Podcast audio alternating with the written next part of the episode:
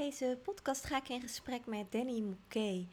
Danny heb ik een paar maanden geleden leren kennen, of eigenlijk eind vorig jaar, tijdens een yogavakantie.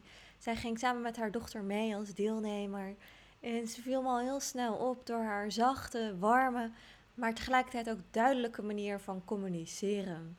Ze vertelde later ook dat ze trainingen geeft, een eigen communicatiebureau heeft, Communication for You.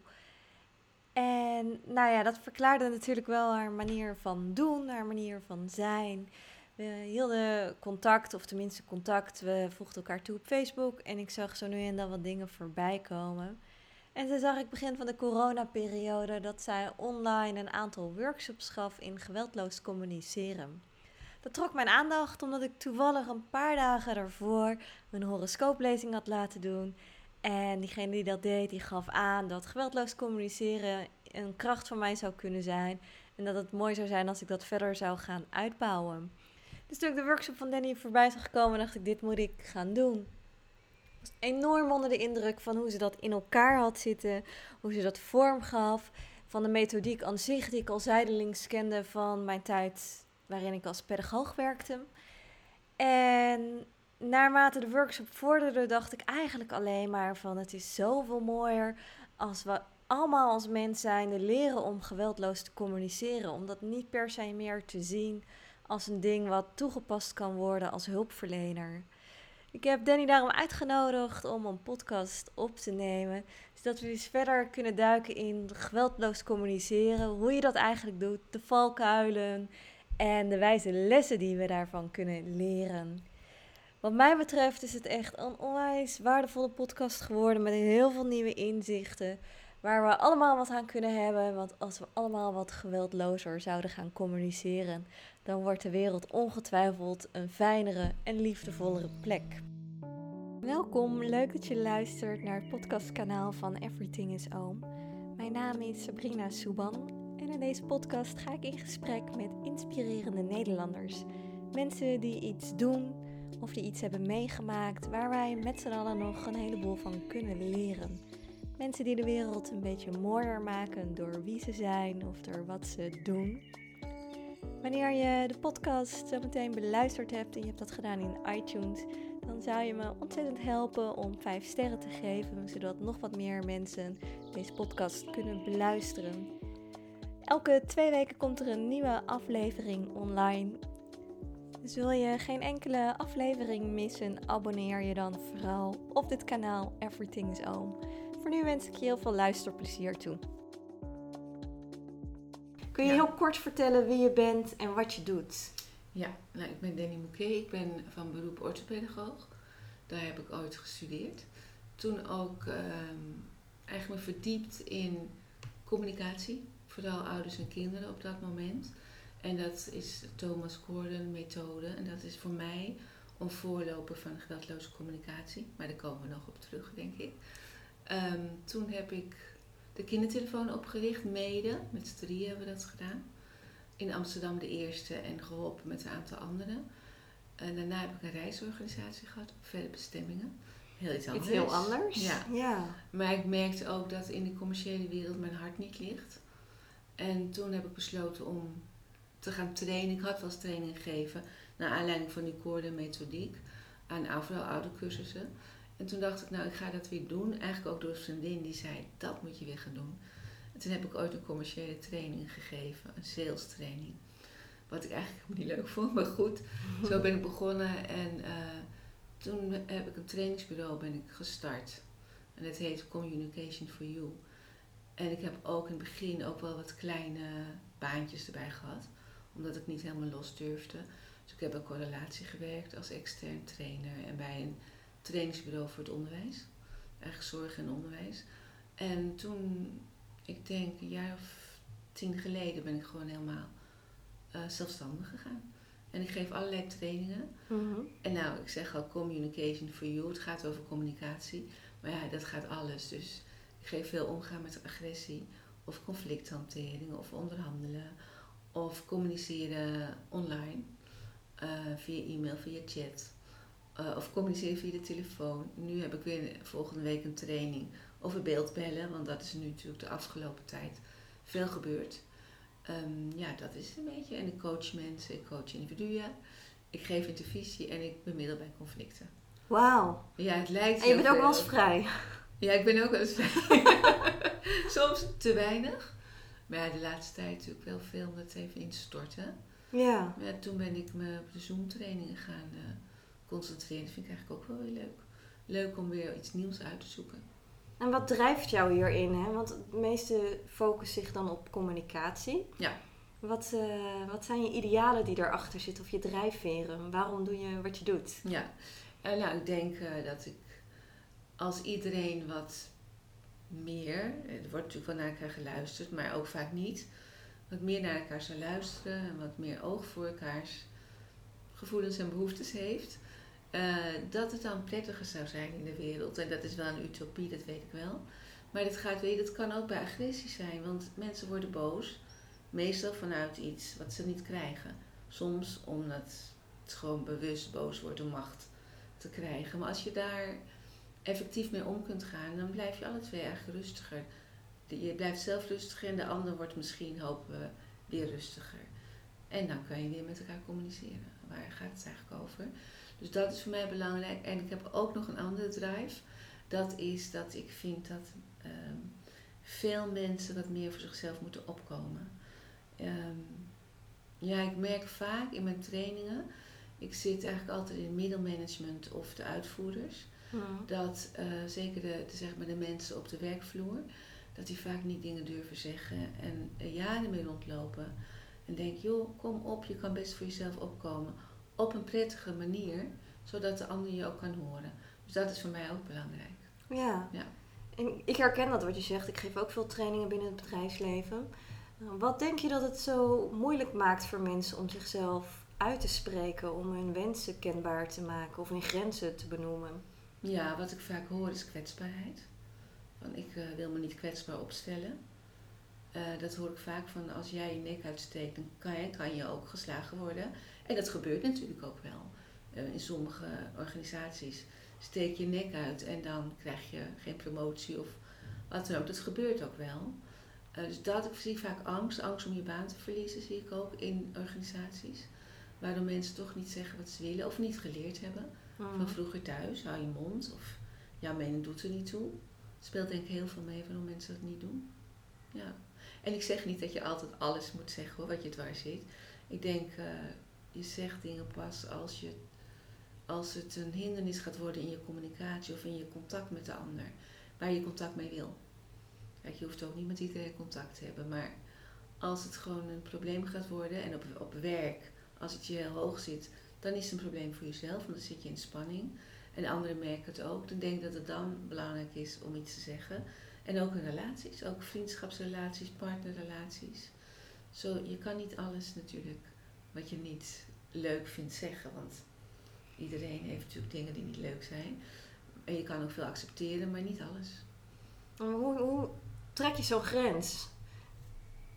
Tenminste, als ik over, over, over mezelf spreek, ik vind dat soms nog wel lastig. Mijn grootste valkuil was om heel vaak te denken, ach, maakt niet zo uit, maakt niet zo uit, maakt niet zo uit. Maar dan in één keer is het te veel en Ja. dan komt alles er in één lading uit. En dan was het, ja, maar de vorige keer en Ja. eigenlijk vijf jaar geleden toen ook al.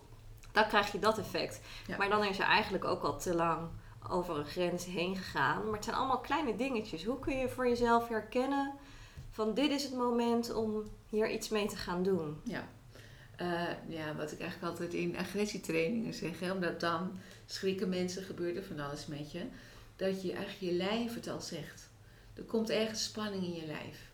Ik weet bij mezelf, mijn tenen gaan zo omhoog. Hmm. En nu weet ik dat, dus als het gebeurt in mijn werk, dan denk ik, hé, hey, wat is hier aan de hand?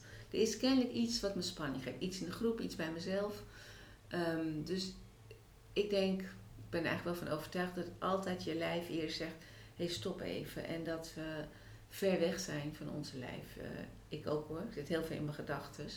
Maar als je daar alert op bent, dan voel je het wel. Of er gaat iets in je buik kriebelen of je gaat spannen. Als je daar alert op bent, dan weet je, oké, nu moet ik toch alert zijn. Want nu gaat kennelijk iets gebeuren of iemand zegt iets wat over mijn grens gaat. Mooi wat je benoemt. Ik geloof daar ook in dat je lijf precies weet wat goed voor je is en wat niet. En dat het ergens een reactie geeft op het moment dat er wat gebeurt. Ja, Ja. dat denk ik ook. Alleen je negeert het ook vaak. Je voelt het niet eens. Je voelt het soms niet eens. Nee. Nee. Of het is soms al zo normaal dat je schouders zo staan dat Ja. je dat niet eens meer merkt. Nee, dat soort dingen. Of je gezicht gaat strak. Ik weet, als ik in de auto zit, dan zit ik echt zo... Als het heel druk is, denk ik, oh, laat los, zit je. Ja. Ja, Dus dat moet je ook een beetje leren kennen van, van jezelf. Waar zit mijn spanning? En als je dat leert kennen, dan weet je, het is een soort echt een alarmbel. Zeg nog niet meteen, ik moet wat zeggen, maar wel, oké, dit vind ik niet fijn. Dan kan je af en toe nog onderzoeken wat het is wat je niet fijn vindt. ja. Ja, mooi. Ik noem het altijd de stressplek in, in trainingen. Zo'n plek die aan gaat spannen op het moment dat je inderdaad spanning ervaart of in een stressvolle situatie terechtkomt. Leuk, leuk, die onthoud ik. Ja, Een stressplek, Ja. ja. iedereen heeft er wel één. Dat denk ik ook. Ja. Ja. En iedereen herkent het ook altijd wel. Dat ze dan zeggen, oh ja, ik doe altijd dit. Of, of ik klem mijn kaken op elkaar. Of ik maak vuisten van mijn handen. Tenen hoor ik voor het eerst. Dat vraagt wel- toch wel veel lichaamsbewustzijn om je voeten te kunnen voelen. Ja, het komt ook door die training die ik geef, waardoor ik zelf natuurlijk ook bewuster ben gaan eh, zijn over waar zit het bij mij. Ik heb het opeens ontdekt dat ik dan echt zo ga doen. Ik kan het nu niet laten zien, maar meteen omhoog, gaan. Omhoog. Ja. Ja. Grappig, ik, ik merkte dat jij dat zei en dat ik direct met mijn aandacht naar mijn voeten toe ging. Om te denken, wat doen mijn voeten nu? eigenlijk? Ja. ja. Dat geweldloos communiceren. Ik heb een tijdje geleden bij jou een, eh, een workshop online gedaan via Zoom. Dat Ja. vond ik zo mooi. Je wist in een uurtijd precies tot de in- eh, essentie van geweldloos communiceren te komen. Nou, dankjewel. Ja, Ja, fijn. dat heb je heel goed gedaan. En voor degene die nu luistert, kun je ook heel kort maar krachtig uitleggen wat geweldloos communiceren is voor methodiek? Mm, ja, dat ga ik proberen. Eh geweldloos communiceren gaat eigenlijk over dat je bewust bent van je eigen gevoelens. Hè? Je bent heel erg boos. Maar vooral van wat jou boos maakt. En in geweldloos communiceren wordt gezegd, is altijd een behoefte die dan niet vervuld wordt bij boosheid. En eigenlijk bij alle emoties als het bang, bedroefd, boos, wordt er een behoefte niet vervuld. De grondlegger van eh, geweldloos communiceren is Marshall Rosenberg, een Amerikaanse therapeut. En die zegt, dat vind ik zelf een hele mooie uitspraak. Eigenlijk zijn al die gevoelens van boos, bang en bedroefd, met alle woorden die daarbij horen, zijn dramatische uitingen van onvervulde behoeftes. En ehm, dus ik denk, als je zelf weet wat je, welke behoefte niet vervuld is, dan kun je misschien vragen aan iemand anders om die wel te vervullen. Of bij jezelf te denken, die ander kan het me niet geven, hoe ga ik het dan wel doen? Of accepteren dat het op dat moment niet gaat. Maar vaak denk ik, als ik kijk maar naar mezelf, als ik boos ben, denk ik helemaal niet. Welke, waarom ben ik boos? Dan denk ik, die ander maakt me Mhm. boos. Zijn schuld of haar schuld. En dat is ook een hele belangrijke bij geweldloos communiceren. Dat je dus bewust bent welke behoeften worden niet vervuld. En als je blij bent, wordt er wel een behoefte vervuld. En ook hoe het voor die ander is. Want die ander, meestal wat mensen ook doen, is ook een onvervulde behoefte. Als ze dingen doen die we niet fijn vinden. En dan zijn ze ook geïrriteerd of angstig, wat dan ook. En dan is er ook één niet vervuld. Dus als je zo naar iemand kijkt, kijk je eigenlijk heel anders dan als je gaat oordelen. Van heb je die weer? Of nou ja, me, ik zal nu maar even zo'n klootzak of dat soort dingen of trut. Dat kan je zeggen, maar als je dat gaat denken, ben je volkomen uit verbinding.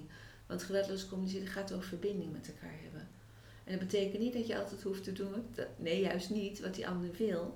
Maar wel dat je het kan uiten en dat je bewust van bent. Wat jij wil, wat die ander wil. En eigenlijk gaat het erom, als je alle twee weet wat jouw behoeften zijn die niet vervuld worden, kun je elkaar vragen of je iets kunt doen om je te helpen. Dat zal niet altijd lukken, maar dat is wel mooi dan als je in je oordelen en je beschuldigingen gaat zitten. Dan is er geen contact. Als ik Nee. iemand die tegen mij zegt en ik denk meteen trut, of ik zou dat zelfs uiten, verbaal of non-verbaal, dan gaat die ander wordt ook boos, dus die gaat in de verdediging, of die wordt bang, of die gaat schaamt zich, of die gaat weg. Zo ben je volkomen uit de verbinding. Dus geweldloos communiceren wordt ook wel verbindend communiceren genoemd. En gaat echt over verbinding met elkaar, als je het wilt. Want een hele belangrijke, eh, vind ik bij geweldloos communiceren, moet je altijd afvragen, wil ik in verbinding met deze persoon? Ik bedoel, je kan niet met iedereen in verbinding, je wilt niet met iedereen in verbinding, als je het wel wilt. Of dat het nodig is voor je werk, Mhm. dan kun je het gebruiken. Maar je moet wel altijd de intentie hebben om het te willen verbinden. Anders gaat het niet werken. Mooi. Ja. Wat, wat is verbinding voor jou? Eh, voor mij is verbinding dat je ehm, luistert naar wat een ander beweegt. En dat ik daardoor uit mijn oordelen kan blijven.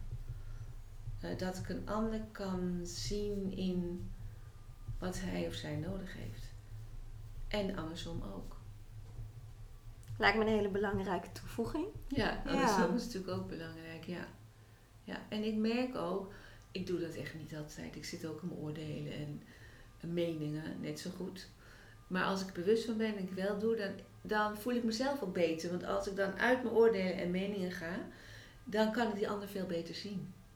En eigenlijk is het veel fijner voor de ander, maar ook voor mij. En als je die oordelen op een ander loslaat, laat je daarmee eigenlijk ook oordelen naar jezelf toe los? Nee, dat hoeft niet. Nee, Nee. dat hoeft niet. Kijk, het is wel mooi dat je dat zegt.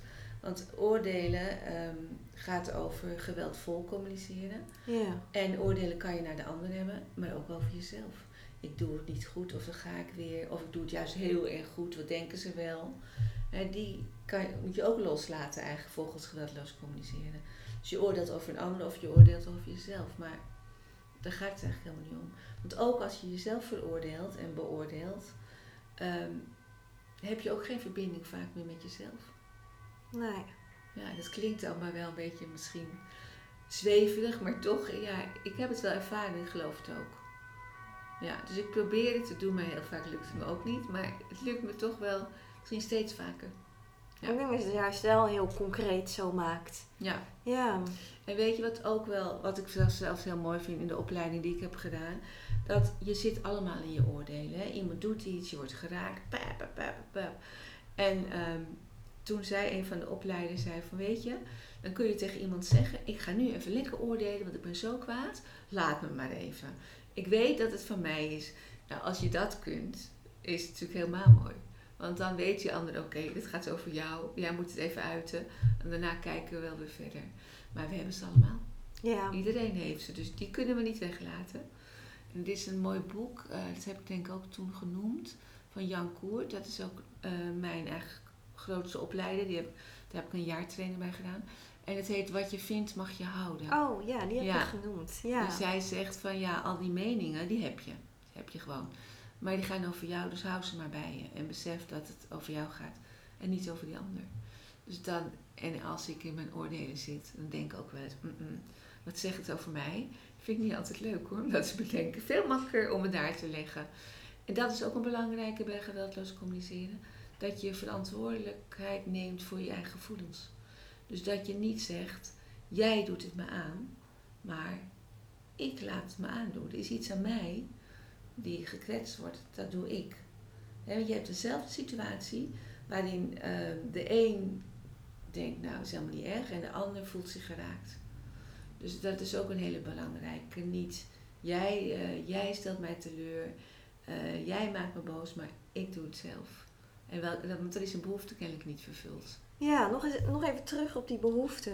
Hoe herken je een behoefte van jezelf? Je noemde zelf net al, hè, als je heel boos bent, dan zit je zo in die emotie. Dan is het soms lastig om bij jezelf na te gaan, want zit daar nou eigenlijk onder? Ja. Wat is een goede manier om je bewust te worden van zo'n behoefte? Ja, het is ontzettend lastig. Want soms denk je dat er een behoefte is, maar zit er eigenlijk nog eentje dieper onder. Eh, als ik in mijn trainingen erover heb, dan zie ik ook, zegt iemand ja, ja. En dan denk ik, nee, dat is het niet. Pas als iemand zegt op 40, zegt ja, dat is hem, dan is het hem. Dus dat is ook wel een moeilijke zoektocht. Ehm, het is echt zitten en nadenken. En vaak als je in je emoties bent, lukt dat je niet. Nee. Maar je kunt wel later nog eens kijken, hé, hey, wat was het dan bij mij? En eens zoeken. En wat zijn goede was- vragen die je jezelf zou kunnen stellen op het moment dat je een beetje aan die reflectie gaat doen? Ja, wat ik eigenlijk in het begin deed, omdat ik dat ook niet op een rijtje had, heb ik zo'n lijst met behoeftes naast me. En dan dacht ik, ja, waar zit het hem nou in? Zit het in eh, behoefte aan harmonie of aan vrede? Of zit het in wat we heel veel hebben, waardering, gezien en gehoord worden? Eh, Zit het in veiligheid, vertrouwen, eerlijkheid? Dus die legde ik er vaak bij. En er zijn eigenlijk altijd bij mij een aantal waar het in zit. Bij mij is het heel veel, vertrouwen is voor mij een hele belangrijke. Mhm. Ehm, dus daar ga ik ook meteen naar kijken. Is het iets in vertrouwen of openheid? Ja, gezien worden, gewaardeerd worden, maar ik geloof dat iedereen dat wel heeft. Ja. Dus ik doe, deed dat zo. Leg het gewoon naast en denk, ja, wat is het dan? En het is soms echt moeilijk. Ik heb één keer gehad dat ik er niet achter kwam. En ook, ik heb een interviesgroep al tien jaar of zo, met twee anderen. En met hun gepraat heb, kwamen er niet achter. En uiteindelijk deed ik een training in Engeland. En daar kwam ik erachter. Omdat diegene die die training gaf, een vraag stelde waarvan die me raakte. En dacht, dat is het. Dus soms is het ook echt heel erg moeilijk. Ja. Maar heel vaak is het niet zo heel erg ingewikkeld. Kun je daar een concreet voorbeeld bij geven? Van? Nou, misschien van jezelf. Dat spreekt vaak het Ja. makkelijkst. Als je daar oké mee bent tenminste. Een moment dat je opmerkt van... hé, er wordt een behoefte van mij niet vervuld in het contact met een ander. Ehm, even gauw, gauw een voorbeeld. Ehm, ja, ik kan wel een voorbeeld noemen. Wat nu bij me opkomt is... ehm, ik deed een training. En ik had afgesproken met de manager dat de pauze om één uur zou zijn.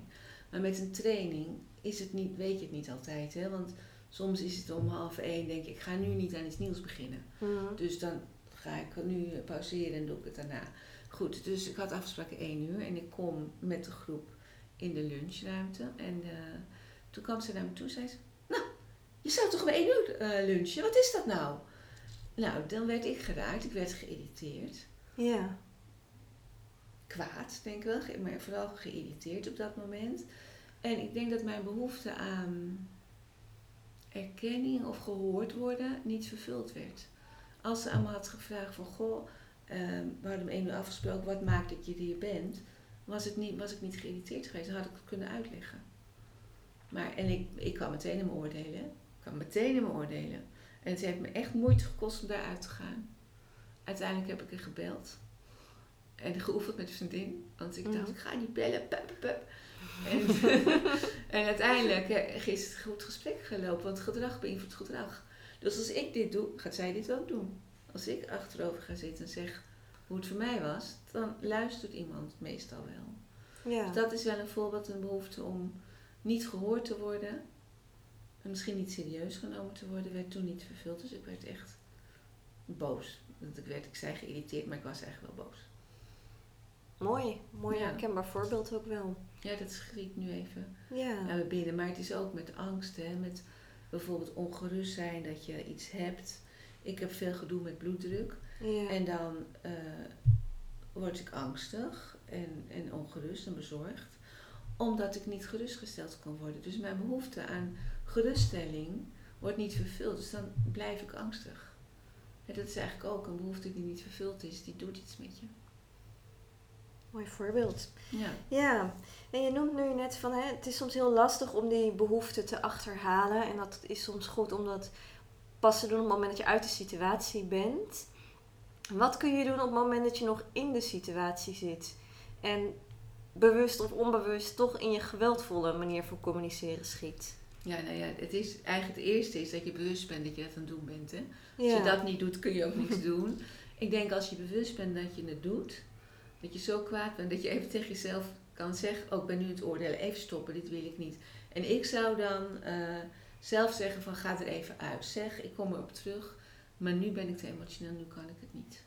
Voordat je allerlei oordelen gaat uit, een ruzie hebt, wat nog veel lastiger is om dan te helen, dan als je eruit gaat en later weer terugkomt en erover hebt kunnen nadenken.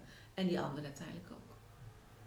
Ja, je noemde in de, in de workshop noemde je vier verschillende ehm, elementen of vier verschillende stappen. Ja. Volgens mij was de behoefte de eerste, je eigen behoefte. Nee, die is het belangrijkst. Oh, die is het belangrijkste. Oké. Maar de eerste stap, zal ik ze noemen?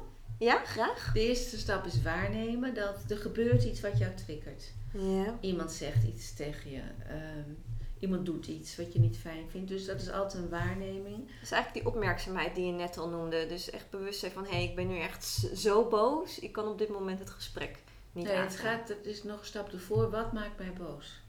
Dus. Even een voorbeeld. Die vrouw, die, die, wat ik je net vertelde, die manager, die zegt... Nou, ik dacht toch dat je om één uur zou lunchen. En het is natuurlijk ook het non-verbale wat erin zat. Ja. Ehm, dan is de waarneming dat zij zegt: ik dacht toch dat je om één uur zou lunchen. Dat is de waarneming. Dat is wat er gebeurt. Dat triggert mij.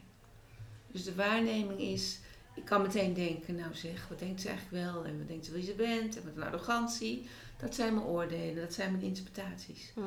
Maar de waarneming is, zij zegt, ik dacht toch dat je om één uur zou lunchen. Dat is, dat is de waarneming. Dus eigenlijk de feitelijke situatie. Wat er gebeurt, wat Oké. jou triggert. Het kan iemand zijn die te laat komt. Dan is de waarneming, eh, de vergadering begint om twee uur en iemand komt om half drie. Verder niet. That's it. Misschien nog iemand zegt daar niks over. Kan ook nog zijn. That's it. Verder niks. En dan is het stap twee. De waarneming roept gevoelens bij je op. Mhm. Als ik weer naar mijn eigen voorbeeld kijk, ik werd geïrriteerd en boos. Dus dan is eigenlijk de, de waarneming roept iets bij je op Mhm. dat je bewust bent welke gevoelens het bij je oproept. En dan is eigenlijk stap drie is, eh, die gevoelens komen voort uit vervulde of onvervulde behoeftes. En die is het allerbelangrijkste. Maar je kan niet meteen naar behoeftes. Het is echt er gebeurt iets, welk gevoel heb ik, uit welke behoefte komt die voort. En dan stap vier is een verzoek doen aan iemand. Dus als je duidelijk weet wat jouw behoefte is, dan kan je ook een verzoek doen aan iemand. En soms doen we verzoeken aan mensen die het ons nooit zullen geven. Dat gebeurt ook wel. Ja. Ik zie het ook met leidinggevenden. Compliment. Ik krijg nooit een compliment van een leidinggevende. En je wilt zo graag waardering hebben. En dan is het ook om te accepteren dat je het niet bij die moet zoeken. Maar dan vraag ik vaak van wie krijg je wel complimenten. Eh, We zijn vaak geneigd van die ene die het ons juist niet geeft. Daar wil je het van. Ja. ja. En dan gaan we eisen. En al die stappen, hè, dus waarnemen. Je ziet iets, je herkent je eigen gevoelens. Je herkent je behoeftes en je kan een verzoek doen. En dat is ook bij de ander. De ander doet iets. Die vrouw zegt tegen mij, pup, pup, hè, van die eh, eh, lunch. Dan kan ik ook denken, oké, ze is geïrriteerd, denk ik. En er is ook bij haar een behoefte die niet vervuld is. Misschien vindt ze het niet zorgvuldig wat ik doe. Hè, dus ook, weet ik niet, kan ik aan haar vragen. Ik zou kunnen vragen van, goh, ik hoor je dit zeggen. En klopt het dat je geïrriteerd bent omdat ik me niet aan de tijd heb gehouden, je dat niet zorgvuldig vindt? Vragend. Misschien zegt ze ja, misschien zegt ze nee, maar zegt ze dan wat het wel is. En dan weet je weer wat er speelt. Ja. En dan zou zij aan mij kunnen vragen, zou je het voortaan dan tegen me willen zeggen dat je het niet zeker weet? Nou, tuurlijk. En want ik weet niet dat het voor haar belangrijk is. Dus dan heb je weer verbinding. En ik had geen verbinding op dat moment. En al die stappen, die hebben ook valkuilen, zou ik die ook nog benoemen? ja, zeker. Ja. De, de waarneming, hè, wat jij ook zei, de feiten. Gewoon wat je ziet of wat je hoort. Eh, en niet je aannames en niet je meningen, je oordelen, je interpretaties. Dat is eigenlijk de valkuil van de waarneming. We zeggen vaak, eh, iemand komt binnen en zegt niks, wat ik net zei. Mhm. En wat we vaak dan hebben is, wat een arrogant of wat onbeschoft. Ja. Nee, iemand komt binnen en zegt niks. Dat is het enige wat er gebeurt. Dus niet je oordelen en je interpretaties. Dat is de valkuil. De valkuilen van gevoelens is dat je je gedachten verward met gevoelens. Ik heb het ook in die, in die eh, workshop gezegd, omdat we zeggen dat nu zoveel. Ik heb het gevoel dat, is niet een gevoel. Heel veel mensen zeggen het, maar het is een gedachte. Want mijn volgende vraag is meteen, welk gevoel heb je dan? Als je zegt, ik heb het gevoel dat, zeg wat is jouw gevoel dan? Ik heb het gevoel dat zij slordig is, komt er dan vaak bij. Of dat ze zich niet aan de afspraken houdt. Maar dat is een gedachte, dat is een mening, een oordeel eigenlijk. Dus dat is de valkuil, dat noemen we quasi-gevoelens, mijn Mhm. gevoelens. Bij behoeftes hebben we de valkuil strategieën. Eh, we, hebben, we zoeken om onze behoeftes te vervullen strategieën. Je wil eh, dat iemand je aardig vindt, dus je gaat gewoon ook altijd heel aardig doen, heel veel voor iemand doen. In de hoop dat je krijgt wat je wilt Ja. waardering gezien, gehoord worden. Ehm, dat kan prima zijn, maar het is niet altijd fijn, jouw strategieën die je verzint. Eh, mensen die ehm, zich naar voelen, verdrietig of bedroefd. Sommige mensen gaan om die behoefte van, nou waar zou je je naar over voelen? Misschien een scheiding, ik noem maar wat. Eh, om dat nare gevoel en die behoefte aan misschien waardering of contact, ik weet niet zo goed. Eh, maar om die te vervullen gaan veel mensen eten. Dan ga je Ja. eten. Dat is eigenlijk niet de strategie om je behoefte te vervullen. Dus we kiezen eh, we denken vaak dat er één strategie is om onze behoeften te vervullen, terwijl er meer zijn. Je wil, wil ontspanning, de een gaat hardlopen, de ander gaat op de bank hangen, de ander gaat Netflix kijken, de ander gaat zingen. Dus er zijn meer strategieën om je behoeften te vervullen. En ehm, in geweldloze communicatie zegt men ook, kijk of deze strategie die jij hebt, of die ook uh, prettig voor jou is. Want misschien zijn er andere. En de, derde, de laatste, het verzoek doen, is dat je niet gaat eisen. Je moet. Dat hebben we natuurlijk vaak. We willen graag mensen veranderen. Ja. Misschien moet ik zeggen ik. Maar ik zie het heel vaak om me heen ook. Ja, precies. Ja, dus dat is ook iets... Dat, ja, dat lukt niet. Je kan alleen vragen of iemand rekening met je wil houden. Ja. Dus dat is eigenlijk het model. En ik vind dat ook nog best wel lastig, dat verzoek doen. Als ik dat dan even op mezelf eh, betrek en bijvoorbeeld een verzoek bij mijn vriend neerleg. Dat kan ik dan heel mooi aankleden. Eigenlijk zo mooi dat ik dan denk, daar kun je geen nee meer op antwoorden. En dan zegt hij, ja, maar zo ben ik gewoon. En dan, vind, dan word ik, en, oh, ik voel het nu ook alweer als ik dat zo zeg. Ja. Dat ik denk, oh wat een stom passieve reactie. Hoezo, zo ben ik gewoon. Daar vind ik dan allerlei dingen van. Ja, ja, ik ook. Maar dat is dan eigenlijk gewoon dat hij tegen mij zegt: Ik heb je verzoek gehoord, Maar ik maar ik doe ga er niks mee doen. Nee. Ja, en dan komt dat stukje dat ik dat dus moet accepteren. En je kan ook nog, voordat je het gaat accepteren, zou je ook nog kunnen kijken welke behoefte van hem eh, wordt vervuld om het niet te doen. Ik heb geloof ik ook gezegd nee zeggen tegen een ander is ja tegen jezelf. Dus als hij nee zegt tegen jou, en welke woorden dan ook, dan zegt hij eigenlijk ja tegen iets anders. Dus je kan ook onderzoeken van goh, hè, eh, misschien wil je rust of moest je iets afmaken of wil je een tv-serie zien. Je kan je ook vragen of is het niet het moment voor hem. Dus je kunt nog kijken of je verbinding kunt krijgen. Ik zeg niet dat het altijd lukt, maar het is een manier om te kijken of het wel lukt. Want als jij wel weet wat er aan de hand is, waarom hij nee zegt, dan kan je het misschien ook wel makkelijker accepteren. Of een afspraak maken, dus nu niet, en misschien straks. Op een ander moment, weet je. Ja, en als iemand echt niet wil, dan houdt het ook op. Ja, Ja, dan houdt het echt op. want accepteren is ook iets lastigs. Of tenminste, ik vind dat iets heel lastigs. Ik ook. Ja, Ja. Ik ook. En, maar ik denk dat je heel veel moet accepteren in het leven. En dat... ehm, ja, nou ik denk dat het er gewoon bij hoort dat het moet. Maar ik vind het ook lastig hoor. Ik vind het heel lastig. heb je daar een tip in? Hoe je het moet accepteren. Ja. Nee, dan ga ik zeggen loslaten. en Dat soort Loslaten, dingen. Nou, ja. Volgens mij weet jij daar veel meer van dan ik. En ja, Ja. ik heb dan ook iets ademen en zitten en je geest leegmaken en mindfulness, al die dingen. Maar echt, ik vind het, ook, vind het ook heel moeilijk om dingen los te laten. Het is zo vaak zo'n proces om dingen los te laten. Dus ik, voor mij helpt mindfulness wel en meditatie, waar jij ook veel mee bezig bent. Yoga of even iets heel anders doen. Maar het kan soms wel een jaar, nou soms wel langer, duren voordat ik het echt loslaat. Ja, Ja, heb ik ook. ja. Ja. En ik denk dat de kunst er vooral in zit om het te erkennen dat Ja. het er is. Ja. Want we kunnen het in ons hoofd vaak goed praten of doen alsof het niet zo belangrijk is. Of daar nou, van alles en nog wat omheen bedenken. Of het wegstoppen. ja. Terwijl op het moment dat je het echt even de ruimte geeft en het voelt en weet wat het met je doet en dat ook toelaat. En vaak is het dan al voorbij voor je het door hebt. Ja, dan zit je niet de hele avond daarmee. Nee. Nee, ben ik helemaal met je eens. Het is een heel leuk filmpje. En ik weet nu niet meer hoe het heet. Op YouTube. En het gaat over, er is een feestje. En je wil, eh, zeg maar dat die emotie, is een mannetje en die wil binnenkomen. De buurman is dat in het feestje. Maar die, die eh, vertegenwoordigt je gevoel of je gedachten, wat je niet binnen wil hebben. En die klopt me op de deur die klopt me op de deur. En diegene die het feestje geeft, wil hem maar niet binnenlaten. En die is de hele tijd mee bezig. Kan helemaal niet meer genieten van het feest. En op een gegeven moment denkt hij, laat dus maar binnen. Laat die emoties maar binnenkomen of die gedachten.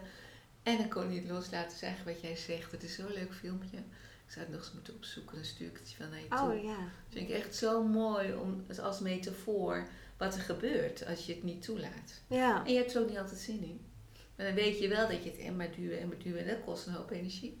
Ja, dat, dat is het ook. Want het Ja. blijft aankloppen totdat je inderdaad even zegt: Hallo, ik heb je gezien. Ja, oké. Kom dan Kom maar. maar even, ja. Ja, Maar het is ook ontzettend moeilijk natuurlijk om dat te doen. Het komt je niet uit, je hebt er geen zin in. dat is het. Ik weet Ja. het in theorie allemaal wel. Ook, en je zei net tegen mij: Je weet daar misschien heel veel over. Ja, ik weet daar inderdaad in mijn hoofd heel veel over. Maar soms maakt dat het ook wel lastig. Dat je weet van, oh ja, nu zou ik dit en dat moeten doen. Ja. Maar dat er van binnen zoveel weerstand is. Ja, Maar dat is eigenlijk ook mooi, want ik denk zelf, ik zeg ook altijd in training, ja, ik vertel dit allemaal en nu kan ik het helemaal voorleven en doen. Maar jongens, ik doe ook dingen hoor. Ik zit ook mijn oordelen en mijn beschuldigingen. En dat is gewoon menselijk, denk ik. ja, Dat is- en elke keer dat je het even niet kan of niet wil accepteren, ja, dat hebben we allemaal. En ik denk dat, dat voor mij en voor jou denk ik ook dat je bewust bent waar je mee bezig bent. Dat dat je soms wel kan helpen. ja, Ja, dus het helpt om misschien het leven iets makkelijker te maken. Denk ik voor mezelf wel. Dat het mij wel kan helpen, al die dingen. Dat ik ze weet. ja. Niet dat ik ze allemaal doe. Nou, dat is het ook. Ja. ja. En van daaruit leer je weer mildheid. Ja, zeker. Ja. dat is ook weer zo mooi. ja, dat is heel belangrijk. Dat vind ik een hele mooie mildheid. Ja, Ja, dat je gewoon mild ook naar een ander kan kijken. ja. Soms heel moeilijk, maar ja. Zeker, ja. Dat sluit hier wel heel mooi op aan. En dat eigenlijk ook wel een vraag die daar dan misschien weer een beetje op aansluit. Ja, het is best wel een kwetsbare manier van communiceren. Hm. En dat is best spannend op het moment dat je iemand tegenover je hebt die daar gewoon wel even staat en een, echt een, zo'n schild om zich eh, heen heeft. Ja, Hoe doe je dat? ja. Ja, ik, ehm, ik weet niet of ken je Brené Brown? Dat Ja. Is, ja, nou, De kracht van kwetsbaarheid? Ja, kracht van kwetsbaarheid. Ik denk ook echt dat je krachtiger bent als je je kwetsbaarheid toont. Maar ik kan me ook heel goed voorstellen, zeker als je een geschiedenis hebt met als je kwetsbaar toonde en je wordt om je oren geslagen, letterlijk of figuurlijk, dat je dat bijna niet kan. En ik denk toch wel als je het kan, als je kunt laten zien wie je werkelijk bent en wie je, wat, je, wat jou raakt, dat je toch meer in verbinding komt. Ja, maar ik snap heel goed dat mensen het niet doen. Ja, ik, ehm, vooral als je gewoon, ja, het veel komt toch uit onze kindertijd. Dus als je daar gewend bent, ik moet, mag me juist niet kwetsbaar opstellen, want dan word ik afgerekend. Dan ga je dat, dan is het een heel proces om dat ooit nog te gaan doen. Dus het is ook heel moeilijk. Maar ik geloof toch wel dat je meer in verbinding kunt zijn als je het kunt. Maar je moet natuurlijk eerst daarmee dealen in jezelf. Dan moet er eerst iets anders opgeruimd, denk ik. Ja, Ja. klinkt ook allemaal makkelijk, maar goed. ja het is Ja. ook niet, ook weer een proces. Ja. Maar een mooie eerste stap inderdaad. Eerst dat stuk in jezelf. Ja. En ik denk ook dat het soms een stukje veiligheid is. Tegenover mijn vriend kan ik heel makkelijk heel kwetsbaar zijn. Nou, hij kan soms best een beetje bot zijn. Maar dan kan ik heel makkelijk in mijn kwetsbaarheid gaan. Omdat ik me veilig voel bij hem. En wat hij ook doet of wat hij ook zou zeggen. En ik weet ook wat ik ga doen of wat ik ook ga zeggen. Dat het wel goed is uiteindelijk. Uh, maar op het moment dat je iemand tegenover je hebt die je wat minder goed kent. Of waar je een andere relatie mee hebt. Dat dat nog eventjes wat spannender is. Ja, dat denk ik ook. En toch denk ik wel, als je, als je het kunt, hè, dat er wel ehm, dat er onverwachte dingen gebeuren die je niet verwacht. Want ook die ander die daar zit met een houding bijvoorbeeld, die kent natuurlijk ook de kwetsbaarheid. Die heeft ook al die gevoelens, die hebben we allemaal. Alleen de een kan ze beter verbergen dan de ander. Ik denk, het is niet altijd, hè, want sommige mensen maken er gebruik van en rekenen wel af. Maar ik denk als je het kunt, dat het meer oplevert. Omdat die ander toch het dingen herkent. En als hij het niet herkent, hij of zij, dan wil iemand absoluut niet met jou in verbinding. En dat is dan waar je mee moet dealen. Denk ik. Ja, dat is het ook. Mm. Ja. En misschien helpt het ook wel om gewoon te benoemen naar die ander toe. Want ik vind het heel spannend wat ik nu ga doen. Ja. Precies. Tenminste, dat helpt mij altijd om dan dat gevoel wat er dan bij mij achter zit maar even te benoemen. Ik vind het doodeng wat ik Ja, nu ga doen. Ja. Ik doe dat met Zoom-training ook. Dan zeg ik, eh, ja, het internet, ik hoop dat het goed blijft. En dat maakt me heel zenuwachtig. Vaak niet de stof, maar wel dat hele gedoe met die techniek. zeg ik ook hoor. Ja. En dat is eigenlijk ook kwetsbaar. Maar weet je, mensen zien het toch wel aan je. Ik heb ook een keer gehad in een training waar ik moest huilen. Omdat iets me zo raakte. Ja, dan kan ik wel doen of het er niet is. Ik denk, nou, ik zeg het gewoon. Iedereen ziet het toch aan me. Ja. Dus, en dat werkt helemaal niet negatief. En misschien dat iemand denkt, "Bruh, dat moet je niet doen als trainer. Ja, dat is dan jammer. ja, dat kan. Ja, maar dat is net wat je zegt. Mensen zien het toch wel als je een, eh, voor een grote zaal iets moet zeggen. Mijn eh, stem gaat in het begin trillen. En ik kan beter zeggen, ik vind het ontzettend spannend. Dan weten ze het al. En dan, dat scheelt al als je het hebt geuit. Dat scheelt wel. En je ziet vaak ook, tenminste ik merk dat zelf ook als ik dan lesgeef aan een nieuwe groep bijvoorbeeld. het helpt om het te zeggen, want je ziet mensen soms ook een soort van verzachten dat ze denken: oh ja, Ja. ik zou daar maar staan in mijn eentje voor Ja. 50 man. En ehm, zou ik ook spannend vinden. ja, Ja, daarom. Mensen herkennen ook wel veel. ja, ik denk dat daar inderdaad heel veel kracht zit in die kwetsbaarheid. Ja, ik denk uiteindelijk ook. Ik snap dat het heel moeilijk is, maar ik denk het ook. Ja. En wat kun je doen op het moment dat je dan dus wel eigenlijk jouw kwetsbaarheid hebt laten zien? En de ander, die gooit eigenlijk gewoon de deur in je gezicht dicht. En die, zegt, die sluit zich helemaal af voor zijn eigen gevoel, maar ook voor jou. Ja. Ja, wat kun je doen? Ik denk niks. Niks. Nee, ik denk niet veel. Kijk, als iemand echt niet wil, eh, stel dat het in je relatie is, waar dit soort dingen natuurlijk ook gebeuren, kan je er altijd terugkomen. En dan wil die ander ook verbinding met jou. Ja. Maar stel dat het, ja, ik weet niet, op je werk gebeurt, kan je er ook op terugkomen. Ik denk dat je altijd op dingen terug kan komen. Maar als iemand echt niet wil, dan houdt het op. En ik denk soms, ja, nee, ik denk echt wel vaak, als iemand het niet wil. Ik zie dat wel eens in coaching met dat mensen last hebben van een leidinggevende. Dan hebben ze natuurlijk, dat is zit bij hun. Maar goed, soms gebeuren er ook dingen en denk, hmm, dat is ook niet fijn. En ik denk dan ook altijd, wat, is, wat moet die ander die zo zich gedraagt beschermen? Ik had bijvoorbeeld een keer iemand die ik coachte en die werkte al twintig jaar in een organisatie. En er kwam een nieuwe teamleider en toen moest ze coachen met verplicht succes. Dat vind ik al heel erg moeilijk, omdat ik denk, ja, coachen is niet met verplicht succes. Je helpt, probeert iemand te helpen om zich te Ja. ontwikkelen. En ehm, dan denk ik ook meteen, wat is in deze teamleider dat ze dit doet?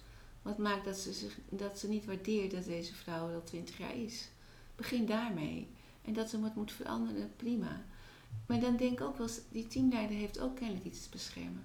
Bij zichzelf. En dan is weer geweldloos communiceren. Ja, degene die coach had het nooit gedurfd. Die is natuurlijk ook afhankelijk van die vrouw. Moet je ook nog, als het niet lukt, dan word je ontslagen. Dus ja, dan ga je echt niet kwetsbaar opstellen, dat snap ik. Maar ik kon het wel doen. En dan, en dan vraag ik me ook gewoon af, wat maakt dat jij, eh, iemand die 20 jaar in dienst is, dat ze nu moet gecoacht worden met verplicht succes? En welke behoefte heb jij daarin? Nieuw, willen voor het eerst teamleider, willen ook graag een goed team neerzetten. Speelt ook van alles bij die ander. Kan ik nu zien hoor. En ik snap, degene die gecoacht is, kan het helemaal niet zien. Dus ja. Uiteindelijk, als je het zou kunnen en Mhm. durven, dan denk dat je nog wel verbinding kunt krijgen ook met zo iemand. Knap. Ja, Ja. denk dat het kan. Maar ja, dat is wel moeilijk. Ja. Ja. en dat durf je niet, en zeker niet als je afhankelijk bent van iemand. ja, dat maakt het ook spannend. Dan heb je inderdaad een hele, hele andere rol. Dat is anders dan op het moment dat je gelijkwaardig Ja. ergens in staat. Dat Of een gezamenlijk veel. belang hebt. Ik zie het veel hoor, dat mensen niet dingen zeggen omdat ze bang zijn voor een baan. Weet je, in een tijd dat er heel veel werk is, is het anders. Maar Mhm. Als er niet zo werk is, dan zeg ik ook, ik begrijp wel dat je het niet wil zeggen. Want ja, als je bang bent voor je baan en eh, je hebt je hele gezin draait om jouw inkomen, dan begrijp ik het wel. Dus dan gaat het echt om, hoe ga ik hier nu mee om? Met deze toch beperking. Ja, dus dat is eigenlijk weer dat stukje accepteren. Ja. En kijken wat je dan wel kunt doen. Ja. Want die ander verander je toch niet. Nee, Ja. dat is iets wat we helemaal los mogen laten. Hè? De ander Ja. veranderen. Als ik het zo dan kort zou samenvatten. Dan begint het geweldloos communiceren dus eigenlijk met eerst het waarnemen. Echt teruggaan naar de feiten van... Wat heeft zich hier nou eigenlijk afgespeeld? Zonder in te vullen wat je daar allemaal bij hebt bedacht. Zonder van, oh hij keek daar wel boos bij. Dus het was vast vervelend bedoeld. Nee. Het is echt puur van hij zei nu dit en dat. Ja. En van daaruit gaan kijken van hoe voelde ik mij daar dan eigenlijk bij. Ja. En echt op zoek naar wat is het werkelijke gevoel. En ook weer niet wat is de invulling die ik daaraan kan Nee, echt die geven. gevoel. En welke behoefte is dan niet vervuld bij mij? En ook, je kan ook eh, naar de ander gaan. Ik heb eh, ooit van Shanti Karma, daar heb ik een training gedaan. En dan kan ik niet in een podcast eh, tekenen, maar misschien op het filmpje. Ehm, die heeft een boom getekend, een stam. Ja. En die stam, dat ben jij. En hij zei, dat vind ik, nou, ik vond hem heel mooi. Hij zegt, jij moet eerst altijd weten bij jezelf van waaruit je gevoelens en behoeftes, hè, wat, wat daar bij jou speelt. En al, die boom dus, die moet gewoon zichzelf kennen en niet omvallen. Dat is het eerste. En dan heb je, die boom heeft eigenlijk twee takken. En de Mhm. ene tak, ik teken hem ook vaak heel eenvoudig met een boom en dan twee takken. Ja. En de ene tak is empathie, wat leeft er in jou? Dus hè, als iemand iets tegen jou zegt, dat is de waarneming, ehm, doet het bij jou iets? Dus dat is zelfexpressie, wat leeft er in mij? Maar ook, wat maakt dat die ander het zegt? Welke behoefte bij die ander is niet vervuld? Waar we het net over hadden met je partner. Er is ook iets bij hem niet vervuld of komt even niet uit. Dus het is eigenlijk twee, twee takken, empathie en zelfexpressie. En eigenlijk is het, wat leeft er in jou? Wat leeft er in mij? En de kroon van de boom is, wat werkt voor ons allebei?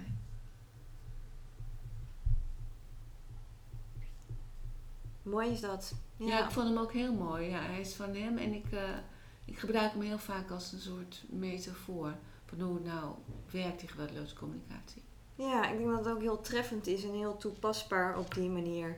Dat op het moment dat je inderdaad in een conflict bent met iemand of het gewoon niet helemaal met elkaar eens bent en de verbinding kwijt bent, je heel erg stil gaat staan bij van wat is mijn behoefte, wat is jouw behoefte ja. en waar kunnen we elkaar dan in vinden. Ja, je kiest uh, als je weet dat het bij jou is.